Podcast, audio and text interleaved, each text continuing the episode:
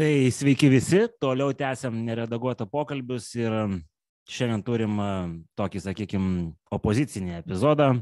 Pasišnekėsim apie visus gerus ir blogus dalykus. Ir kaip nebūtų keista, arba kaip nebūtų kitokio varianto, kalbame su opozicijos veidu Agne Šrinskinė iš Lietuvos valstiečių ir žalių sąjungos. Tai laba diena, Agne. Labai diena. Ar galim jūs vadinti opozicijos veidu? Aš manau, visus 67, ar kiek mes turime opozicijoje narių, man atrodo tiek, būtų galima vadinti opozicijos veidais, kiekvienas atspindi kažkokią dalelę opozicijos. Na, nu, Agne, kaip visada dalykiška ir kultūringa, aš kažkada čia vienoje diskusijoje sakiau, kad viena iš kultūringiausių e, Seimo narių, kurį teko sutikti per jau metus ir beveik pusantrų. Tai Agne, tada pradėkime iš karto nuo rimtų dalykų. Prabėgo metai naujos, e, naujos vadovybės Seime. Jeigu taip retrospektyviai pasižiūrėt, kas buvo jūsų manimų, arba, sakykim, taip, jūsų partijos manimu ar panašiai mąstančių žmonių Seime didžiausi keli pralaimėjimai, kuriuos patyrėm Seime, turint šitą naują valdančią daugumą, o gal tokių nebuvo? Na, buvo tų pralaimėjimų ir aš manyčiau labai skausmingų, tarkime, tas pats balsavimas dėl mokėjimo už testus, kas įsigalioja nuo rydienos, tai taip, tai buvo opozicijos didžiulis pralaimėjimas. Trys prezidento veto nesenai praužė, kur vienas dėl testų, kiti du yra šiek tiek kitokie, bet jie, manau, irgi nemažiau skaudus, buvo atmesti, valdančioji dauguma iš esmės e, vienu iš veto sugebėjo susikurti atmetimus, sugebėjo susikurti tokią alternatyvę diplomatų misiją, diplomatų tinklą, kas akivaizdu, kad konkuruos su prezidento nominuotais diplomatais. Tai tokių dalykų buvo labai skaudžių, tai čia tą reikia pripažinti. Čia jau nėra kas liepti, nes matyt opozicijos toks ir likimas kartais patirti ne, tuos pralaimėjimus, jeigu nepavyksta įtikinti kažko iš pozicijos. Bet manau, kad yra ir daug pergalių, kurios buvo tikrai džiugios tuo, kad buvo apsaugotos pagrindinės e, vertybinės nuostatos, tai tas pats narkotikų dekriminalizavimas, partnerystės įstatymas, Stambulo konvencija, kurios na, nepajėgia nepateikti ir manyčiau netgi sustabdyta iš dalies ir alkoholio tos reformos, neribojimų atšaukimas, sveikatos reikalų komitetas iš esmės balsų absoliučia dauguma, ten liktai vienas žmogus tik tai balsavo kitaip, pasakė, jog atšaukti tų ribojimų nebūtų tikslinga. Tai tokių dalykų, kurie yra smagus, dėl to, kad na, jie vienai per kitaip padeda išlaikyti vykdytas reformas arba padeda apsaugoti vertybės, tai jų irgi buvo, ar čia negali paneigti. Tai va čia norisi paklausti, vis tiek e, Seimo kuluaruose ir koridoriuose kai kurie dalykai sklinda greičiau negu, negu garso greičiu. Ar yra planų vat, ateinančioje pavasario sesijoje kažkurį iš tų Laisvės partijos inicijuotų projektų vėl kelti į dienos šviesą ir, ir, ir jeigu yra, tai kurie, o gal nėra? Aš manyčiau, kad dar gruodžio mėnesį gali būti bandymų. Nes Seimo pirmininkė, kiek aš žinau, labai tyliai zonduojasi frakcijų požiūrį į lietuvių kalbos įstatymą, į tų trijų raidžių rašymą, yra minčių, jau girdisi ir partnerystę sugražinti dar kartą ir, ir kartu prasideda ne diskusijos dėl naujos redakcijos narkotikų dekriminalizavimo. Tai manyčiau, kad žinant, jog Laisvės partija dabar, na, taip bando lengvai šantažuoti savo koalicijos partnerius, susdama visokius signalus apie tariamą išėjimą arba nebalsavimą už atskiras biudžeto nuostatas, tai manau, kad tas lems, jog biudžeto prieimimo metu bus bandoma tiems mažiesiams koalicijos partneriams įtikti ir kažką galbūt paukoti, bent jau prieimimo stadijoje. Nu, kadangi jau palėtėt e, vienu žodžiu vieną tokią mintį, kurią va čia yra klausimas, tai iš karto užduosiu. E, vienas Facebook'o grupės e, sėkėjas ar sėkėjas, sunku pasakyti, klausia, pakomentuokit situaciją dėl, bendrų matymų su Laisvės partija. Nu, čia turiu menį, matėm čia keletą straipsnių Delfį ir Elrytę ir klausia, gal su velniu geriau neikito boliauti, bijau, kad daug rinkėjų prarasit.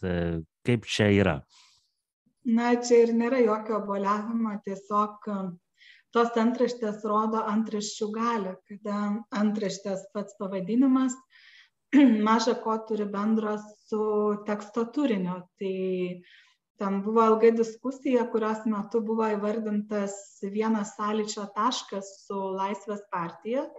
Tai yra tiek jie, tiek uh, Valstiečių ir Žaliųjų sąjunga nepritarė automobilių taršos mokesčio didinimui.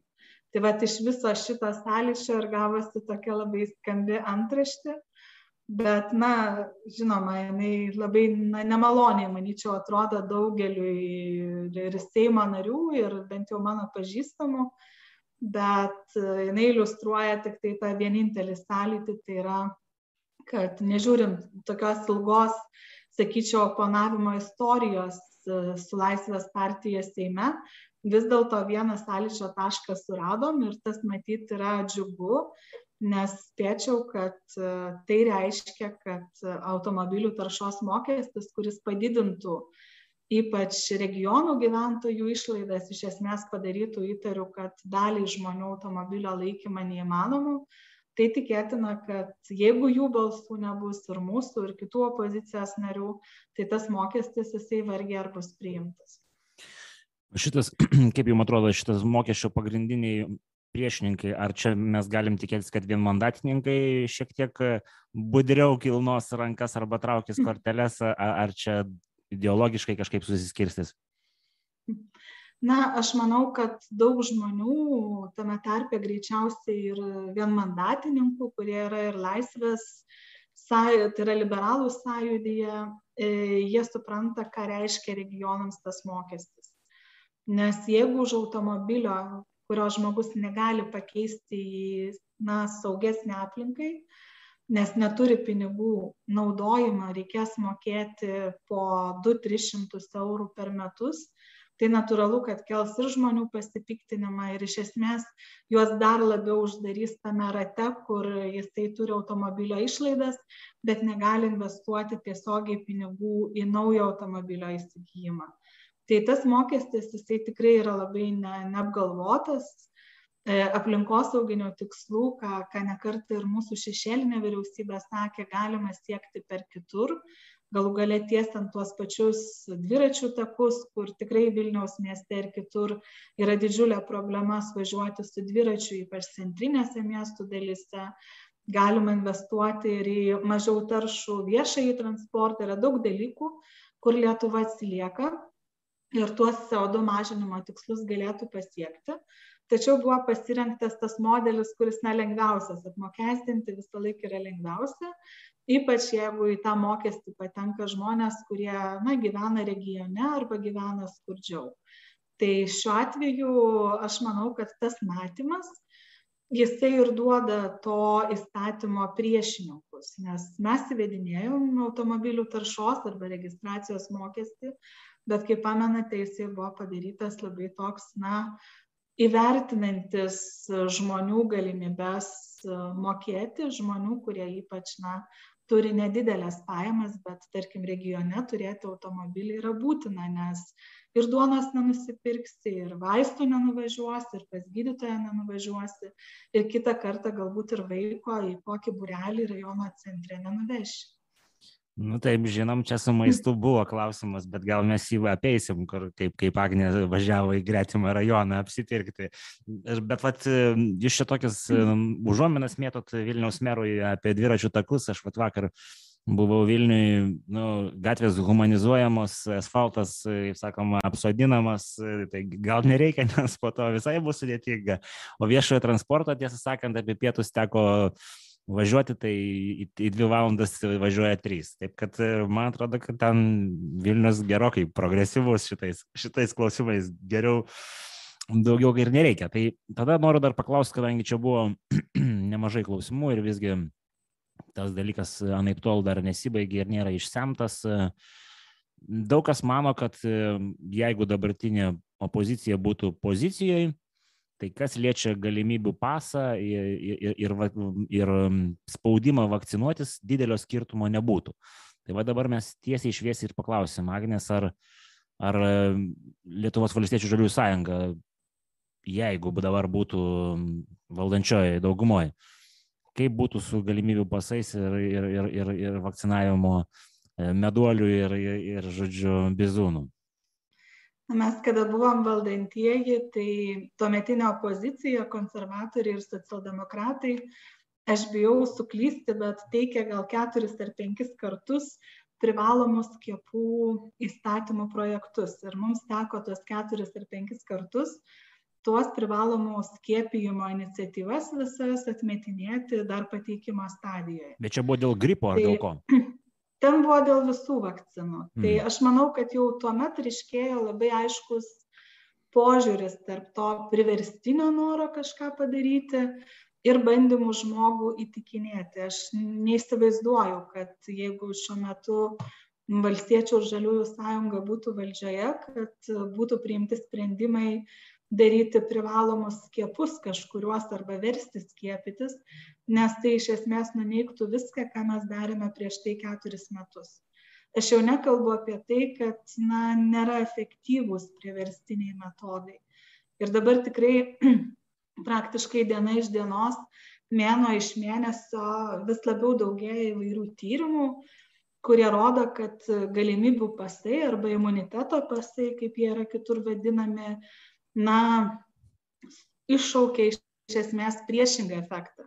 Tai yra žmonių pasikesinimas į autonomiją yra taip jautriai vertinamas, kad žmonės pradeda tiesiog, na, iš principo arba iš noro priešintis, neikti galimybių pasus arba, na, priešintis vakcinacijos idėjai. Tai daug mokslininkų jau įvardina tai, kad galimybių pasai padarys labai ilgą, didelę, tiksliau, žalą ir ateičiai vakcinacijos. Tiesiog, na, formuodami tam tikrą mentalitetą. Aš esu skaičiusi ir tyrimų, kurie rodo, kad žmogus, kuris yra spaudžiamas vakcinuotis, netgi tampa labiau pažeidžiamo įvairiai dezinformacijai, jisai labiau linksta tada tikėti. Tai, na, visą tai negali ignoruoti ir, ir manau, kad tikrai buvo pasirinktas ne tas kelias. Jeigu būtų buvęs duodamas saldainis, aš taip, na, tą galiu kabutėse vadinti pozityvus skatinimas, galų gale netgi 100 eurų išmoką išplėtus iki 65 metų, aš manau, būtų daug kur kas geresni rezultatai. Plus nebūtų tokia pikta visuomenė, kas irgi, na, yra labai negeras visos tos prievartinės politikos rezultatas.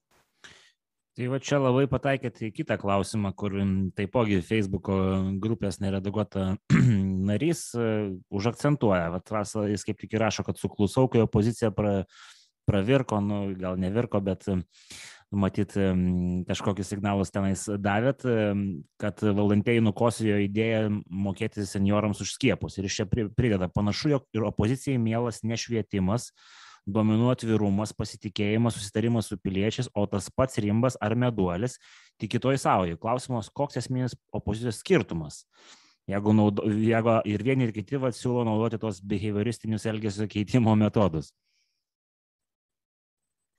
Na, kas geriausiai veikia bent jau tų pačių tyrimų duomenimis, tai švietimas ir ilgalaikis švietimas, ne tik momentinis, ką mes dabar turime padaryti, nes tarkime izraelio vakcinacijos sėkmė yra iš dalies pagrįsta tuo kad jie prieš keletą dešimtmečių vykdė labai aktyvią poliomielito vakcinos kampaniją ir daug mitų, daug nuostatų, daug informacijos buvo pateikta tuo metu.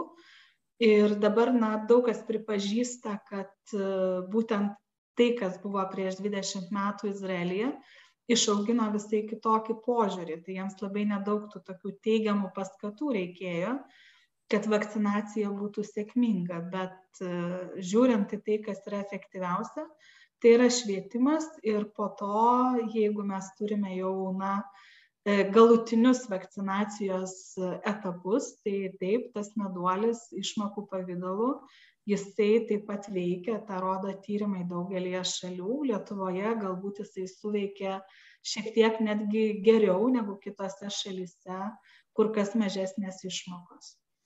Tai čia suveikia todėl, kad mūsų visuomenė vis dar skurdesnė negu vakarų Europos, ar, ar, ar čia kažkokie e, identiteto, nežinau, kultūrinio kažkokio dalykai.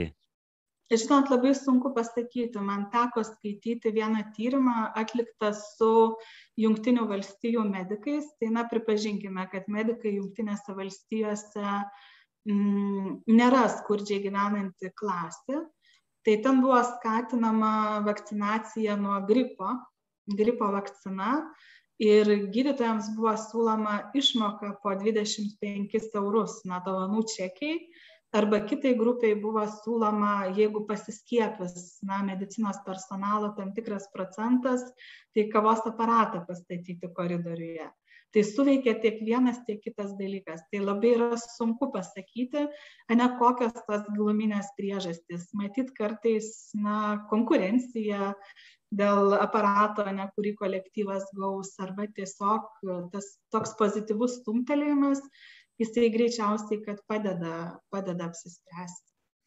Nu, čia panašu į azartiškumo stimuliavimą, bet vat, kadangi užsiminėte apie Ameriką, tai E, toj pačioj, žodžiu, pietinėje Junktinė Amerikos valstijų dalyje, vienoje ir kitoje pusėje yra valstijos, kurios yra didelės tiek plotų, tiek populiacija ir turi kardinaliai skirtingus to, sakykime, vex mandate, kurie vadina, žodžiu, iš tikrųjų lietuviškai tai būtų skiepo mandatas, kur tu be skiepo negali nieko daryti ir, ir pas juos tose valstijose, kalbu apie Floridą ir Kaliforniją, Kalifornijoje yra drakoniškos tos e, priemonės e, visos implementuotos, Floridoje yra visiškai laisvai.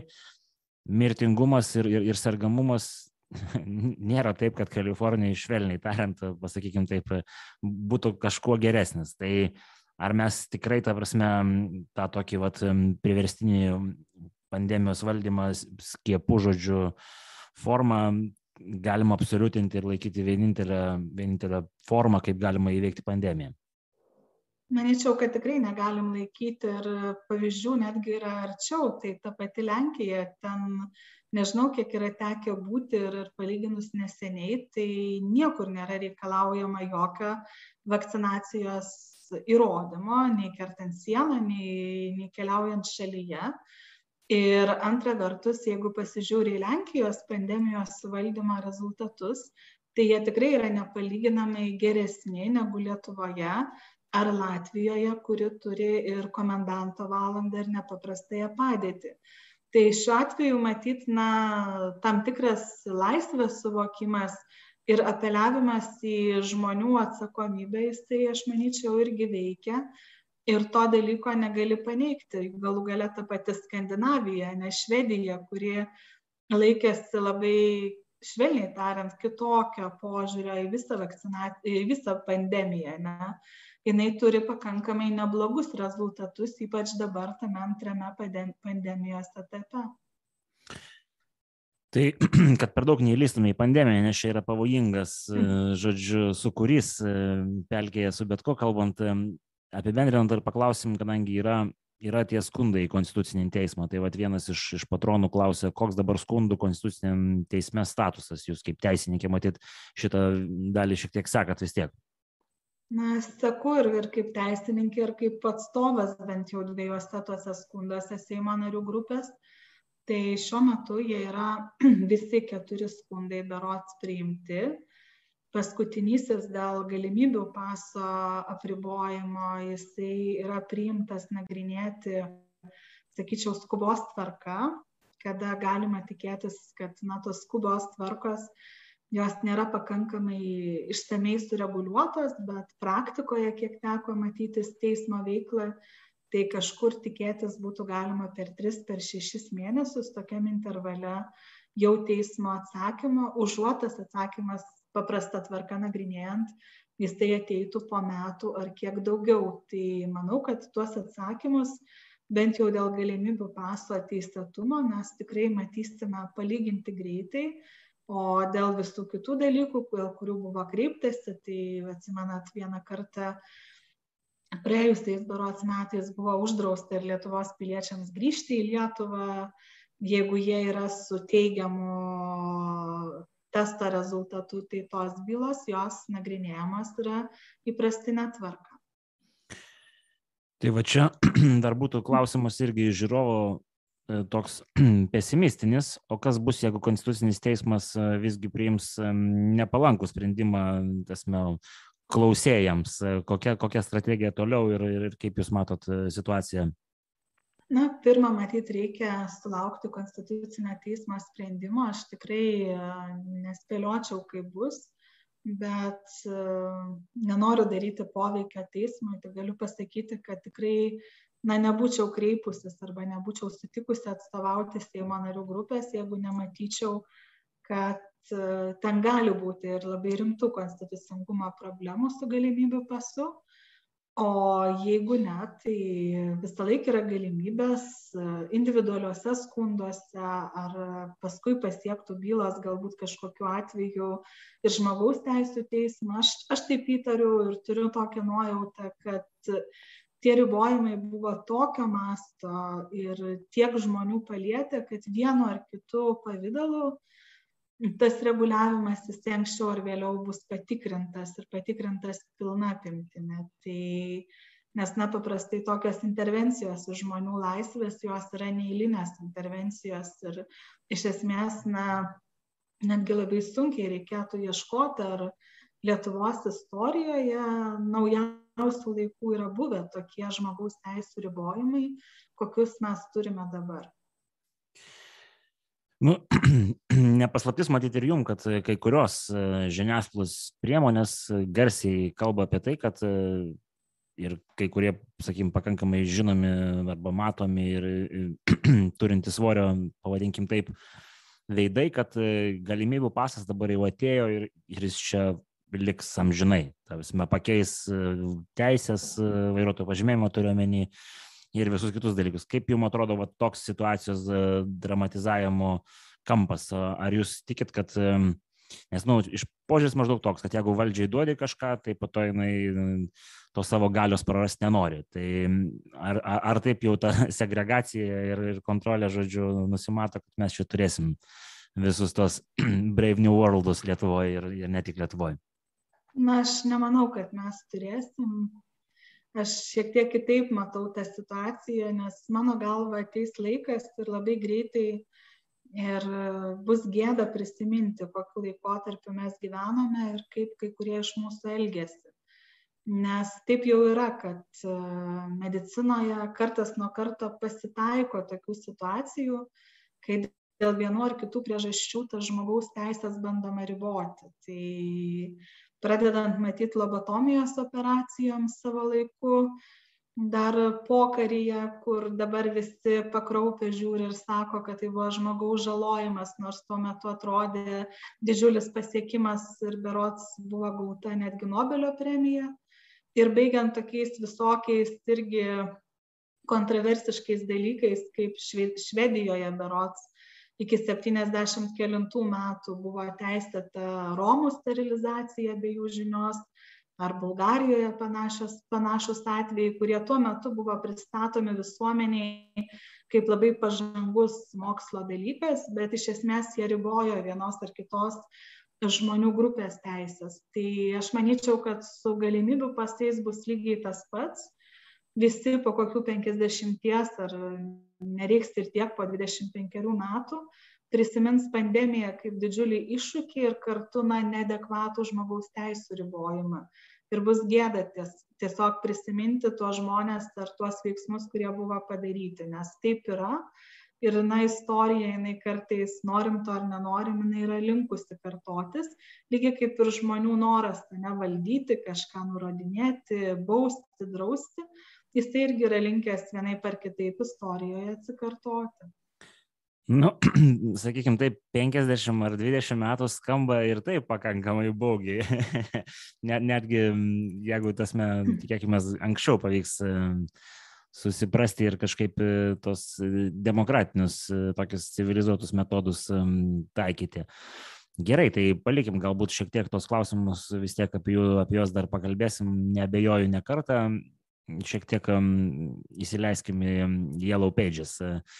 Yra spekulacija, vat, jum gal iš, iš, iš sakykim, Seimo irgi koridorių geriau matosi apie valdančią koaliciją. Buvo klausimas, vat, kiek tikėtina, kad Laisvės partija atsisakys, žodžiu, dirbti su valdančiaisiais, su koalicijos partneriais ir, ir jūsų buvęs kolega ir jo naujoji frakcija įslys į, į valdžią. Kaip jums atrodo?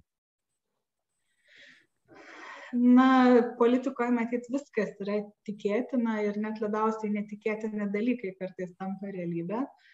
Tai aš visą laiką taip tą tikėtinumą labai atsargiai vertinu, bet mano galva tai Laisvės partijai atsisakyti dabar buvimo valdžioje, žinant tai, kiek jie turi kontroversiškų projektų, manau, būtų nerealu.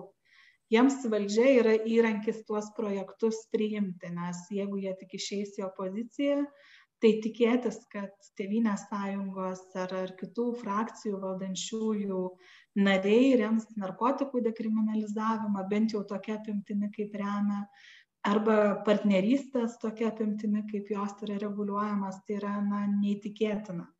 Tai dabar jau jiems yra sunku prasistumti, turint visus svertus.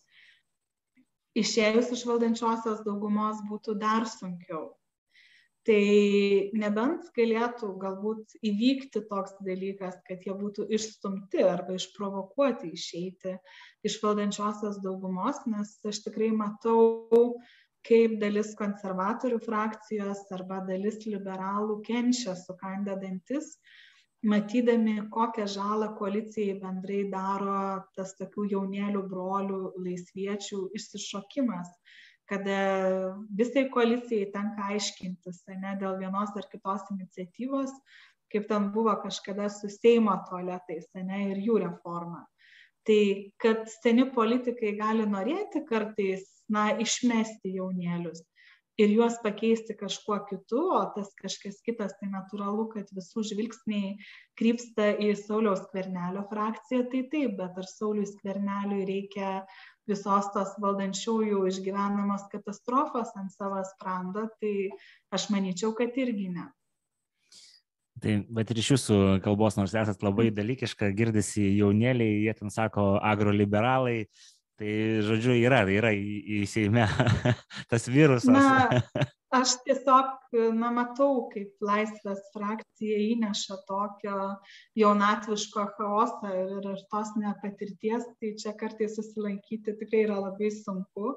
Aš įsivaizduoju, kaip juos koalicijos partneriai privačiuose pokalbiuose, matyt, kartais vedina ir ne tik įsivaizduoju, bet ir, ir tenka kartais girdėti, bet realybė yra tokia, kad na, koalicija yra frakcija arba partija, kuri yra labai sunkiai prognozuojama ir kuri turi na, ultra radikalią darbo atverkę, kurią bando įgyvendinti. Nu, bet Laisvės partija tą darbo tvarkę savo pakankamai aiškiai artikuliavo ir anksčiau, tai aš manyčiau, kad čia nėra joks, jokia nuostaba, bent jau neturėtų būti jokia nuostaba kitiem koalicijos partneriam, nes nu, tai į rinkimus buvo einama su tam tikra programa. Bet matote, vis tiek politikai, matydami programas, jie supranta, kad galima pasirinkti arba solidžius, arba ne visai solidžius būdus tai programai įgyvendinti. Tai dėja, bet laisviečiai kartais renkasi tokius ne visai solidžius būdus tai programai įgyvendinti. O, o, ką, o, o ką Jūs vadinat ne visai solidžių būdų? Pateikit pavyzdį, nes daugam galbūt e, kils klausimas. Na, tarkime, Morganos Danielės pasakojimas apie jos narkotikų vartojimą. Ne? Arba dabar Seimo nariams nuolat į dėžutės mėtomi laiškeliai dėl dekriminalizavimo. Tai, na, tokių dalykų yra, kurie šiek tiek e, trikdo politikus, ypač tuos, kurie yra labai senai politikoje ir kurie, na, tokių įvairių žingsnių nelabai matė ir, ir nelabai prie jų pratę. Šiek tiek huliganiškai atrodo ir tie atvejai, kada tu žinai, kad balsų neturi, bet tu sieki klausimo įtraukimo į darbo atvarkę. Nes dekriminalizavimas taip ir vyko. Jie puikiai žinojo Laisvės partija, kad konservatoriai neturi balsų ir neturi balsų liberalų sąjūdis. Jie buvo apie tai informuoti, tačiau nepaisant to, vis tiek reikalavo to klausimo darbo atvarkėje. Tai, na, taip paprastai politikoje, jeigu tu nori pasiekti savo tikslo, tu tikrai nevadinsi kolegų agroliberalais, nes žinai, kad paskui tiesiog tų agroliberalų balsų gali nebūti ir kitų klausimų. Tai Jo, tai ten buvo ne, ne tik į agroliberalus nukreipta, bet ir į krikščionis demokratus. jo, tai gerai, palikim, palikim šitą koalicijos klausimą spręsti koalicijai, galbūt bus proga pasišnekėti ir su jais tiesiogiai. Pakalbėkime apie Lietuvos valstiečių žaliųjų sąjungą. Čia vienas bendras mūsų pažįstamas Dovelas Petkus tokią kalambūrišką klausimą užduoda su, su, su, su gražia įžanga, bet potekstė jo iš tikrųjų verta diskusijos. LVŽS turi stiprią platformą ir įsitvirtino Lietuvos politikoje. E, dėl pirmo sakinio čia aišku būtų galima, tasme, kad jis įsitvirtino, tai taip, nes antrus rinkimus yra parlamente, ar turi stiprią platformą, nežinau. Bet jai trūksta stiprių lyderių, ypač veidų po Saulius Kvernelio išėjimo kur partija ketina lyderių ieškoti ir kas galėtų tapti pagrindiniu partijos garvežiu artėjančiose rinkimuose.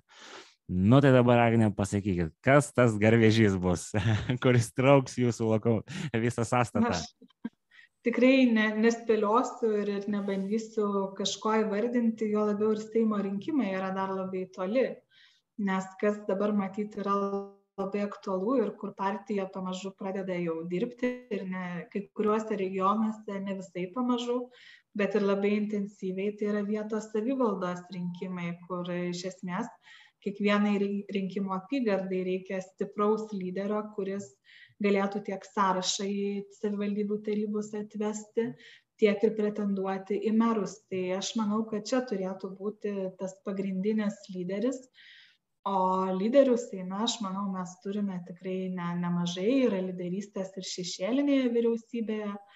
Tai Seimo rinkimams dar turim labai gražaus laiko pasiruošti. Tai dėl Seimo, kad, kad yra du lyderiai parlamente iš judų eidai, kuriuos žino visi, tai mes nesiginčiam, aš neminėsiu tų vardus, vienu šneku, kitas irgi yra žinomas gerai, bet ok, tai kaip savivaldybių tarybos, sakot, ar yra kažkoks planas, kiek uh, koks rezultatas būtų laimėjimas, e, žodžiu, valstiečiam e, po, po atėjančių rinkimų savivaldos? Na, laimėjimas, matyt, visą laiką yra tai, kad tu gauni daugiau negu kad turėjai. Aš spėčiau, kad taip yra laimėjimai skaičiuojami, bet manau, kad tikrai pamatysime, nes e, dirbti šį kartą partija sąjunga pradėjo pakankamai anksti ir, ir juo labiau dalis ir Seimo narių imasi gana atsakingai tos lyderystės. Tarkime, tas pats Aurelijus Veryga Kaune, kur jau yra įvardinta, kad bus mūsų kandidatas į merus tikintis ir kažkokios na, mažos frakcijos miesto taryboje. Jo, čia, čia, čia smagus dalykas, Aurelijus Veryga tikrai nepamaišytų Kaunui, bet jo matyt pritrūktų po to Seime. Uh, Čia va dar yra toks klausimas iš patrono irgi šitą temą ir jisai pakankamai prasmingas, manau. Mm, Klausia, žodžiu, kaip jūs planuojat pakelti reitingus, nes opozicijos lyderių reitingai panašus su pozicijos, kas yra gėdinga mano akimis. Čia matyt yra turima omeny galbūt Ramūno Karbauskio reitingų panašumą į Gabrieliaus Landsbergą ar kažką panašaus. Kodėl taip yra, kad opozicijos lyderiai, sakykime taip, po metų, būdami tasme, opozicijoje, vis dar taip prastai vertinami visuomenėje. Ar čia, ar čia tasme, trivialu, ne, ne, ne, nesvarbu, ar visgi kažkaip tai alarmuoja? Na, mes niekada labai tų reitingų nevertinam, bet bendrai aš dabar bandau galvoti, o kurio lyderio reitingai būtų labai blizgantis. Tai tokių lyderių matyti nelabai ne ir ne kažką, nes tokia jau lyderio dalia matyt yra, kad tenka gana dažnai pačius bjauriausius klausimus komentuoti, nes nebelieka kam daugiau tą daryti ir natūralu, kad tada su lyderiais siejasi ne tik geri dalykai, bet siejasi ir na, žmonių sąmonėje ir ne patys geriausi dalykai. Tai aš manyčiau, tas ir iliustruoja geriausiai, kodėl tie lyderiai turi mažus reitingus kaip asmenybės, o partijos kartais turi tuos reitingus didesnius, bet matyt, nereitinguose esmė, o darbuose, kuriuose, kuriuos tie lyderiai daro. Čia labai, labai, labai filosofiškai atsakėt. O tarkim, e, e, šitųgi Lietuvos socialdemokratų partijos lyderės reitingai ir ypatingai skirtumas tarp teigiamų ir neigiamų yra, yra gerokai geresnis. Netgi tas pats Saulis Kvernelis, kuris daugumos akise, matyt, nu, yra tai, kvestionuojamas, tai pasakykim, jo reitingai, man atrodo, jeigu aš neklystu, balansas irgi yra šiek tiek geresnis negu jūsų partijos lyderio. Bet jūs sakot, kad tai yra visiškai, visiškai nesvarbu judant į priekį. Na, bus įdomu pažiūrėti skvernelio reitingus, kai jisai turės partiją paveikusią bent 2 ar 3 metus, tai tada matyti reikės ir, ir tuos reitingus vertinti jo kaip partijos lyderio. O ponios Blinkevičiūtės reitingai na, yra savotiškas fenomenas, kuris aišku, partijai turėjo didžiulę, jos reitingui partiniam, turėjo didžiulę įtaką, bet žiūrint į paskutinės e, reitingų analizės, panašu, kad ir ten yra jau priauktos tos augimo lubos, kurios vargiai ar, ar daugiau kils. Bet tai yra jau asmenybės fenomenas, ką aš taip labai išskirčiau iš tikrųjų. Nu gerai, tai dar vis tiek biškai pakamantinėkim jūs šitoje temoje. Tai ar nėra taip, kad po to bus per vėlų um, kažkaip tai, sakykim, taip, nacionalinės politikos ligmenyje auginti lyderius naujus ar garvežio traukėjus, pačius garvežius, kaip čia sakė.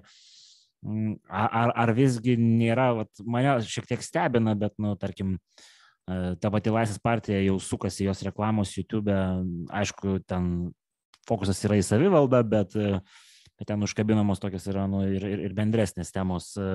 Ar nėra jau laikas e, galvoti ir apie, apie tos, žodžiu, Seimo artėjančius rinkimus, nes, e, nu, kaip mes matom, Tevinės sąjungos e, patriarchai, buvę lyderiai kalba, kad nu, solidi partija galėtų ir dar keturis metus dirbti ir, ir viskas yra gerai. Tai ar, ne, ar nepadėsit jiem neveiklumu? tai manyčiau kad konservatoriai savo nusiraminimui ar paguodai gali ir netokių dalykų dar prikalbėti tai ta savipaguoda kartais galbūt geras dalykas sau pačiam ir savo rinkėjams kad jie neišsibėgiotų.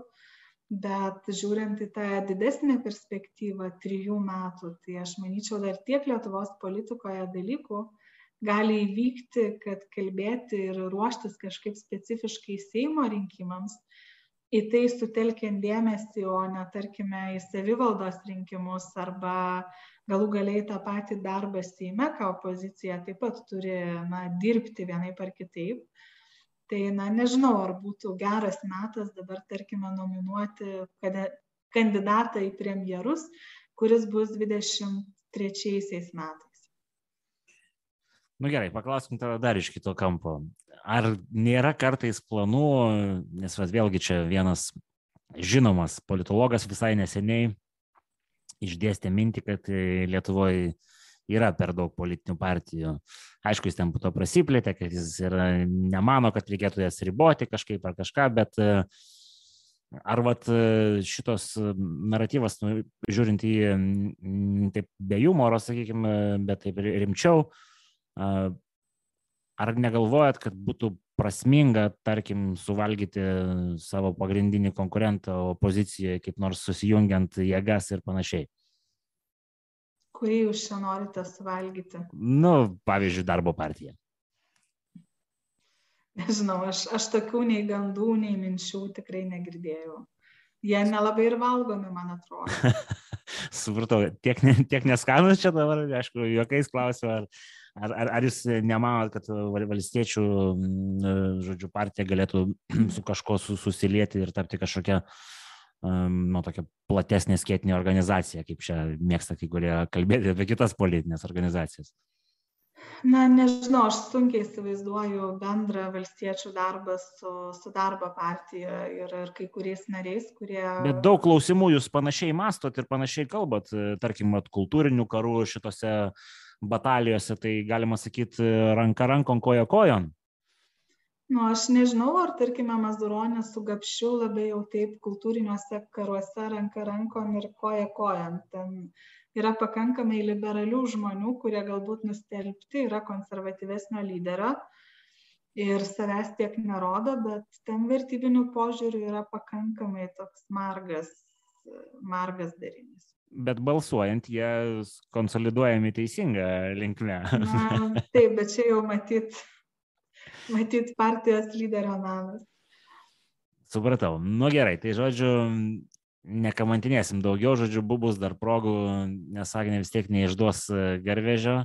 Kaip supratom, e, šį kartą vienas iš tokių įdomesnių klausimų, jau taip perinant prie tokios jau atsipalaidavusios dalies laidos, e, buvo tas, kad ir turint omeny jūsų specializaciją ir kaip visai neblogai jums pavyksta Facebook'e nušviesti kai kurias teisinius dalykus, klausia patronas, ar čia dėl tų pačių reitingų jisai sako, bet, nu, iš principo, manau, visai valdus klausimas, ar nereikėtų renkti, filmuoti YouTube kažkokios tinklalaidės opozicijai ir konkrečiai vat, valstiečiam, kurie aiškintų savaitės nuveiktus darbus, pristatytų ateinančios savaitės planus. Aš iš karto pagalvojau, kad Agnė galėtų labai sėkmingai dekonstruoti tam tikrus teisės aktus, kurie yra metami ant stalo. Ar tokių planų neturit? Na kai kurie kolegos bando tą daryti kaip kolega aurelijus savarankiškai. Taip šiek tiek diskutuoja matyt apie laidų arba diskusijų ar įrašų didinimą nes tai feisbuke natūralu kad yra yra patrauklu. Tai matyt tuos pokyčius ir matys jau žiūrovai kažkuriuo metu Nu tai, Agne, tai dabar pasakyti, kada mes jau išvysim Agnės Širinskinės YouTube kanalą su, su e, kontentu, kuris išeina vieną kartą per savaitę. Tikrai, tikrai to neplanuoju asmeniškai. Supratau. Gerai, tai aišku, reikia paliesti ir, ir labai rimtus klausimus, kurie buvo užduoti. Tai vienas iš tų tokių, kuris mane vis šiek tiek nustebino temoje, bet, nu, kadangi mes leidžiam gerai nukrito temos, tai vienas iš Facebook grupės narių klausė tokio labai svarbaus klausimo, kaip susipažinot su Ramūnu Karbauskiu? Ar galite atskleisti šitą paslaptį?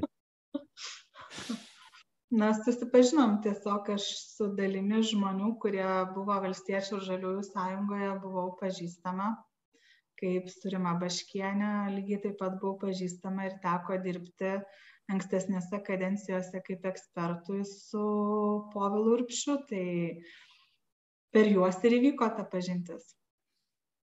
Tai jūs paviliojo valstiečiai iš kitos politinės partijos globos, ar kaip čia buvo?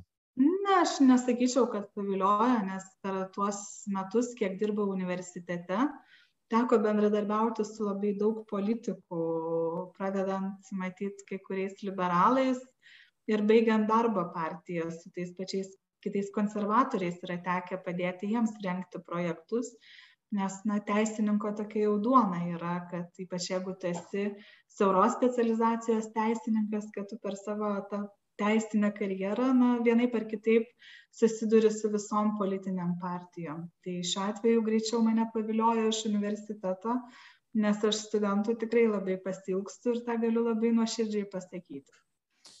O jeigu nepaslaptis, e, su kokiais Tėvinės sąjungos parlamentarais jums teko dirbti, nes čia daug kam matyt kiltų klausimų. ne, mums natūraliai mes bendravome ir su, su ponu Dagiu, ir, ir Vilija Leknaitė Bramikinė, dar pažįstu iš tų laikų, kada šeimos politikos koncepcija buvo rengiama ir ponia Irena Degutienė yra tekę tikrai su, su nemažai žmonių bendrauti per tą laikotarpį, manau, tas yra normalu, kada tu galų gale dėl tų pačių teisės aktų ekspertizų arba dėl kažkokių universiteto pastabų vienam ar kitam projektui esi kviečiamas į Seimą ar į frakcijas. Čia, vat, kaip vieną raktinį išgirdau žodį ir prisiminiau, kad konkrečiai po laida tokio klausimo nėra, bet jisai buvo anksčiau kažkuriam, dabar nepasakysiu, formate iškilęs. Uh, kad neva, žodžiu, valstiečiai e, turi daug bendro su sveikatos ir teisės institutu, o tiksliau su vienu asmeniu. Kadangi asmuo irgi čia dalyvavo diskusijų po laidos tema, tai paklausiu, tai kas e, valstiečius ar Agnė Širinskinė sieja su kai kuriais e, sveikatos teisės instituto steigėjais, pavadinkim taip. Jūs apie Kristiną greičiausiai klausėte. Galimai. Mm, galimai. Nes jinai ten reiškėsi, mačiau ir aš tikrai pažadėjau, kad mes mano gimtadienį pagaliau šią savaitę. Jūs, Agne, pažadėjote čia jau visiems, žinokit, kurie, kurie matė, tai jūs jau neapsėsit tik su Kristina. Tai va, o Kristina šiaip yra viena iš geriausių mano turėtų kažkada studentų, kurią aš suradau ir, ir pastebėjau ir mūsų katedra surado tuometinę ir pastebėjo dar Mykolo Romerio universitete. Jis tada buvo pakviesta, baigusi bioteisės programą, stoti į doktorantūrą, nes sveikatos teisės rytyje tuo metu tų specialistų, ypač diplomuotų su daktaro vardais, tikrai trūko, tai jinai tas studijas ten pradėjo ir natūralu, kad uh, užsimesga tam tikras ir, ir profesinis ryšys kaip, kaip dėstytoja ir žmogiškas ryšys. Tai jinai dirba šiuo metu pas mane padėjėja, bet jeigu klaustumėte, ar aš žinau, ką jinai veikia po darbo, aš tikrai nežinau. Tai yra jos laikas, kurį jinai suderina, augindama penkis vaikus ir dar būdama labai aktyvi visuomenininkė. Tai aš čia tik kaip dėstytoja buvusi tikrai galiu labai nuoširdžiai pasidžiaugti, kad tokių žmonių yra ir kad juos teko pažinti arba sutikti ir šiek tiek tą mokslo kryptimis stumtelti savo laiku. Nu, va, tai dabar visiems, kuriem buvo klausimų, kaip čia yra, jau, man atrodo, turi būti aišku. Tai yra dar vienas klausimas, labai aišku, temoje svarbus 21 metų, sakim, taip apžvalgoje, tokioj, kurią mes čia bandėm padaryti. Klausė vienas iš Facebook'o sėkėjų, kodėl nenubaudėt valiaus ažulo už atostogas Egipte. Tai dabar, ne, pasakykit, kodėl nenubaudėt. Čia tikrai yra pusės metų arba metų problema. Tai valių ažolai, kiek aš žinau, ten svarstė etikos ir procedūrų komisija ir jisai gavo ir pastabą ir įspėjimą, nes tokių baudų Seimo nariams nėra, aišku, kolegai, kuris jau penktus metus dirba Seime, dėrėtų žinoti, kad kai išvažiuoja į užsienį, reikia gauti pritarimą bent jau į tą užsienį, kur ne Europos Sąjungos užsienis. Europos Sąjungoje tas Seimo nario keliavimas yra paprastesnis. Tai šiuo atveju jo tas nusikaltimas kabutėse ir buvo tai, kad jisai to pritarimo na, nebuvo gavęs. Jaunas, jaunatviškas, kaip, kaip sakėt, laidoje, politikas. Na, aš kiek suprantu, ten žmona jam surprizą padarė, kuris tai matyti tiek apsidžiaugė surprizu ir bilietais, kad pamiršo pasiklausti Seimo valdybos. Tikrai taip, ne, negali, negali pikčio klausimų. Tai dar buvo vienas labai svarbus klausimas, čia einant į pabaigą, turint va, dar kelis klausimus, tai čia tas svarbus, kur klausia, žodžiu, Facebook'o sėkėjas, kaip jaučiatės meluojant į policiją ir ar tai nesikerta, nesikerta su jūsų krikščioniškomis tiesomis. Tai dabar, Agne, pasakykit mums. mes dar bilinėjomės ir aiškinamės savo santykius, kas ten melavo, kas ne. Tai aš iš tiesų jaučiuosi nieko blogo nepadariusi, kad nusipirkau maisto galbūt ne tame rajone, kaip atrodo kai kuriems pareigūnams. Bet tai nesakot, kad piknaudžiavot tarnybinę padėtimi ir važinėjot kitose rajonuose. Na matot nepaprastosios padėties metu tai tarkime seimo nariai turi išimtį keliavimui. O jin tada buvo nepaprastoji? Ne ne nebuvo. Nebuvo. Supratau. Tai gerai tada paskutinis klausimas kuris yra toks abstraktesnis kadangi jau visus tos tokius e, smulkmeniškus e, atsakėm. Klausimas yra apie buldozerį. Vat e, buvo tokių pasakymų, kad vat, praeitoj kadencijai kai kas buldozerį naudojo kaip va dabar jaučiatės patyrę buldozerį į, į savo pusę, kad čia turiu menėjai matyti įstatymų stumimas ir, ir, ir visa kita, kuris vyksta Seime. Ar, ar jeigu tektų galimai vėl būti pozicijoje, ar, ar, ar šitas buldozerio technikos nenaudotumėt? Na, aš sunkiai įsivaizduoju, kur mes tą buldozerį labai taip naudojame. Nu, gal čia kalba yra apie pačią pradžią kadencijos, kai jūs turėjot pakankamai tokią substancialią daugumą, matyt, nes nu po to jau nelabai ir būtų galima prikišti. Bet, na, atsiminus, kiek pas mus buvo skubos tvarkų, tarkime, kad jos buvo vienetiniai atvejai ir kiek dabar yra skubos tvarkų, ar ypatingos skubos netgi, tai bijau, kad e, sunkiai gali pasakyti, kad pas mus projektai buvo, tarkime, neišdiskutuoti, nes kai kurie iš jų vilkdavosi ir labai dirbtinai opozicijos stabdomi. Dabartinė opozicija tokių stabdymo priemonių ir nenaudoja ir antra vertus valdantieji sugebėjo netgi pakeisti reguliavimą, tarkim, ekspertinis vertinimas, ne, kuris, kurio buvo tikrai piknaudžiaujama mūsų kadencijoje.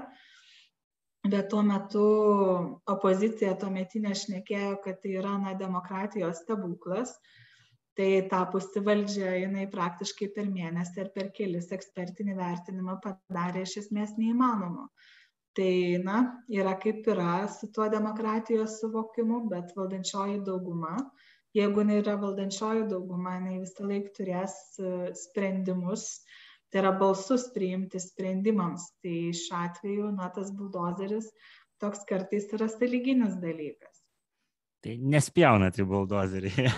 Aš aišku šaržuoju, bet. Na, jisai tiesiog kaip savoka kartais yra taip pertekliškai naudojamas ir galbūt ne ten, kur, kur reikia, nes valdantieji turi turėti balsus, kitaip jie nebus valdančioji dauguma.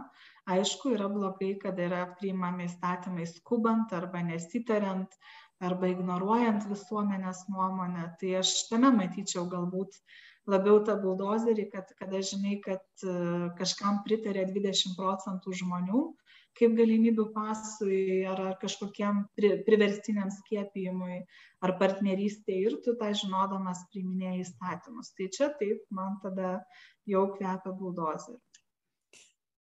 Tai paskutinis klausimas bus e, mano, ne visgi ne, ne, ne, ne, ne bendruomenės, aš vat, čia visai neseniai, žiūriu prieš penkias dienas, e, vienas jūsų postas man užkliuvo už akies ir ten, aišku, jis buvo platesnis, bet aš noriu paklausti konkrečiai. E, Facebook'e rašėt, kad skaitot žvalgybos kontrolierių įstatymą ir jum e, neapleidžia jausmas. Tai vat, norisi paklausti, kas tokio tam žvalgybos kontrolierių įstatymo projekte jum užkliuvo kaip teisininkiai, į ką reikėtų atkreipdėmėsi, nes čia visai neužilgo kalbėsim su vienu buvusiu aukštu pareigūnu, tai vat, galbūt bus proga pasišnekėti, norėtųsi išgirsti, kas ten va tam projekte yra netokio. Na, yra kuriamas toks superžvalgas, jeigu taip labai būtiškai sakytumėm, kuris prižiūrės visas kitas žvalgybos institucijas. Jeigu paprastai žvalgybos funkciją atliekančių institucijų vadovai, tai na, vienos ar kitos institucijos vadovai, yra skiriami išskaidžius galės, tai tarkime VSD vadovas deleguoja prezidentas, ne, Seimas pritarė arba nepritarė, yra tas galių išskaidimas. Tai čia praktiškai tas žvalgybininkų žvalgybininkas, jisai bus skiriamas išimtinai Seime, atleidžiamas išimtinai Seimo iniciatyva ir na, aš puikiai suprantu, kaip jisai tampa pavaldžių arba priklausomų iš esmės nuo valdančiosios daugumos. Mes tą matėme labai gerai su genocido rezistencijos centro direktoriaus skirimu ir atleidimu.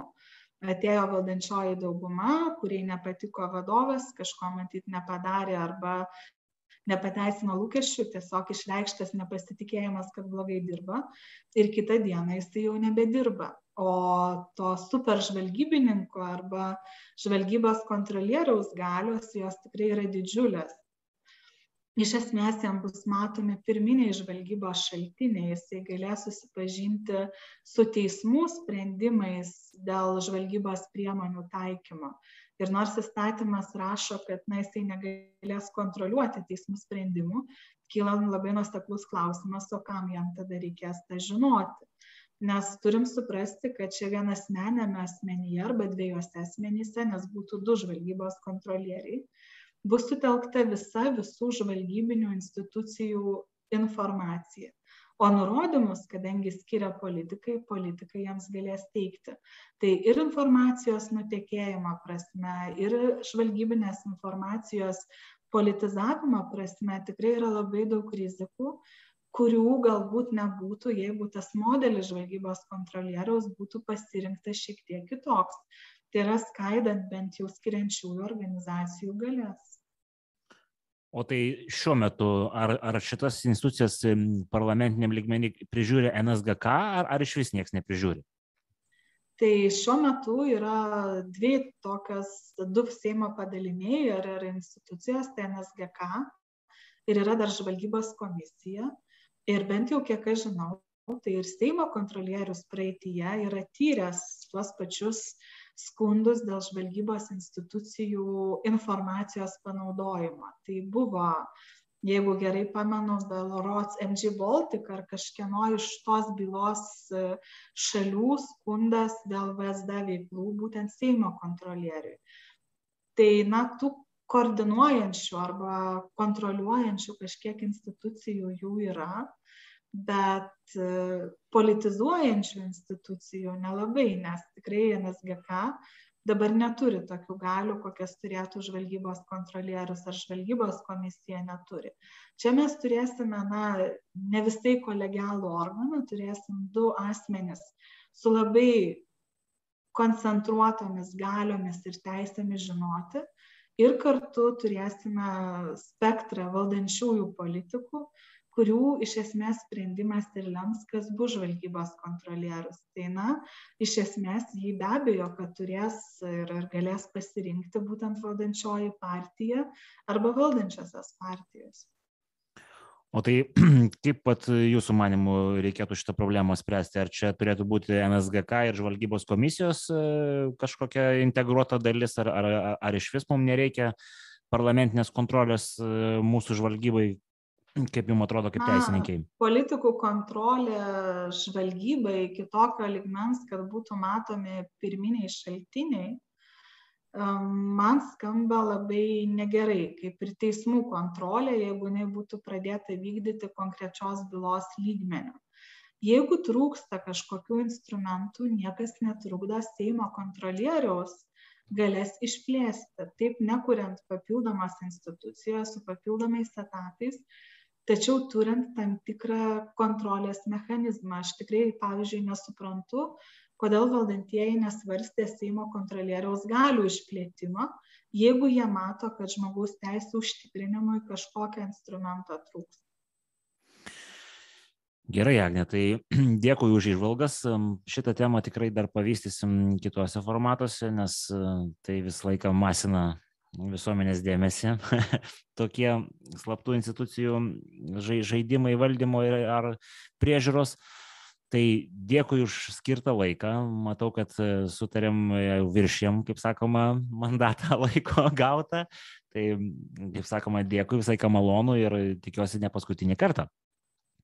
Aš taip pat ačiū Jums. O žiūrovom tada dėkui visiems, kad, kad žiūrit. Nepamirškit mūsų socialiniuose tinkluose ir ką, iki kitų kartų.